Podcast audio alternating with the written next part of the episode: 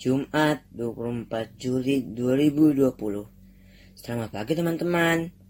Yuk kita membaca Alkitab.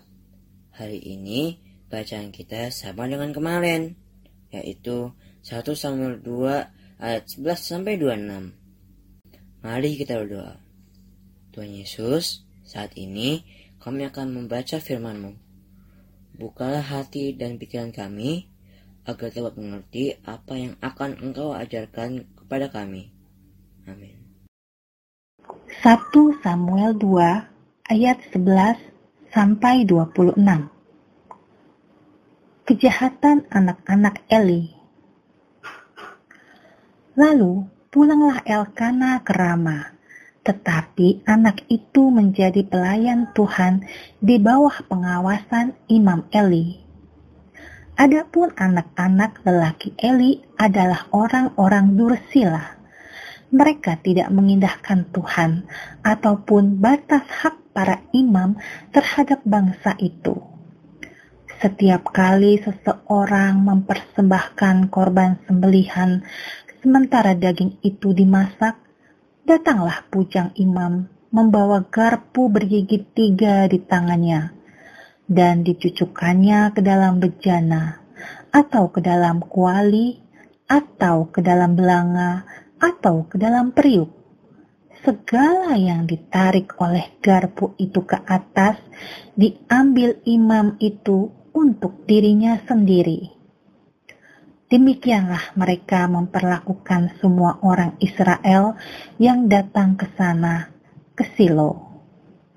Bahkan sebelum lemaknya dibakar, pujang imam itu datang, lalu berkata kepada orang yang mempersembahkan korban itu, Berikanlah daging kepada imam untuk dipanggang, sebab ia tidak mau menerima daripadamu daging yang dimasak, hanya yang mentah saja.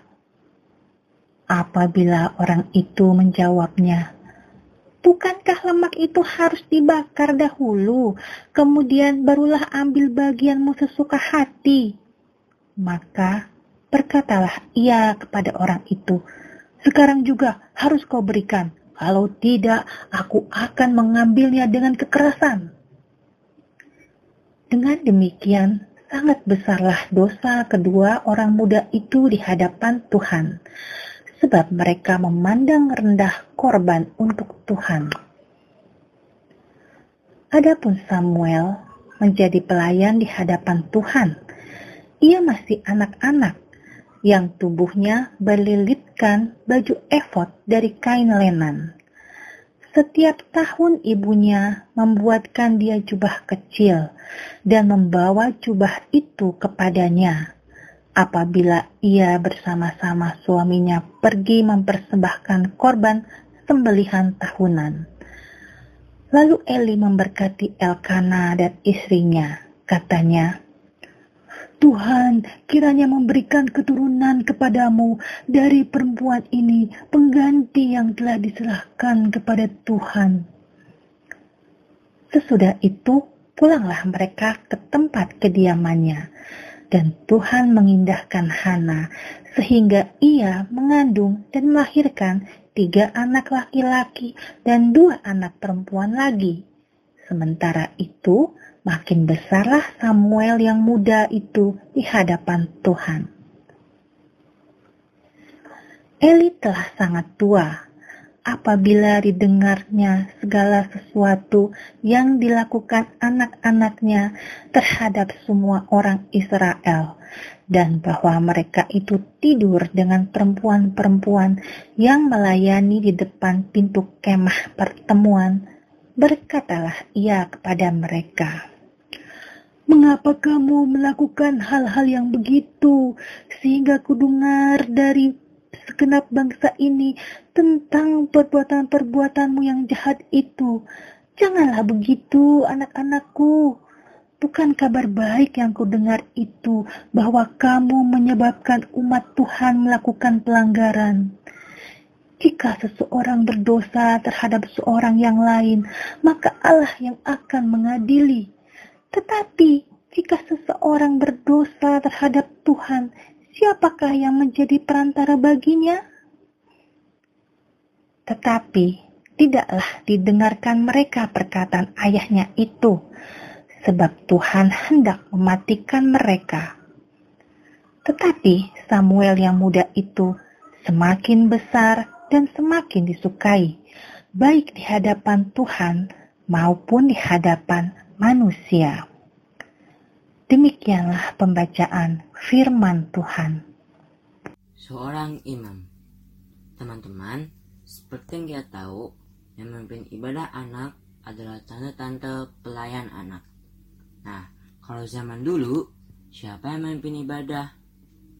Seorang memimpin ibadah pada masa kitab disebut imam. Jabatan seorang imam adalah imamat. Tugas mereka adalah memastikan bahwa ibadah berjalan sesuai dengan perintah Tuhan. Wah, tugas mereka besar juga ya.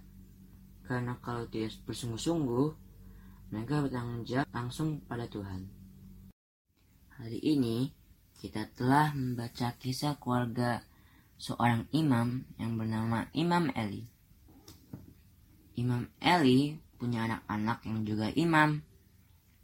Berbeda dengan sikap ayahnya, anak-anak Imam Eli selalu melakukan perbuatan yang tidak dikendaki Tuhan, yaitu mengambil yang bukan menjadi miliknya. Mereka adalah imam yang tidak jujur. Mereka berpikir Tuhan tidak melihat. Padahal Tuhan selalu melihat apa pun perbuatan kita. Entah itu perbuatan yang benar dan juga yang salah. Nah, teman-teman, carilah di Alkitab perbuatan yang dilakukan Imam Eli yang tidak berkenan di hadapan Tuhan. Apakah teman-teman pernah menyembunyikan perbuatan salah? Berdoalah dan mohon ampun pada Tuhan. Bila teman-teman sudah menjawab pertanyaan di atas, yuk kita berdoa. Bapak di surga, sering kali kami melakukan perbuatan yang membuat Tuhan sedih. Ajar kami menjadi anak yang jujur dan menyenangkan hati Tuhan. Dalam nama Tuhan Yesus, amin. Teman-teman, dari renungan hari ini, berjanjilah untuk menjadi anak yang jujur seperti yang Tuhan Yesus ajarkan.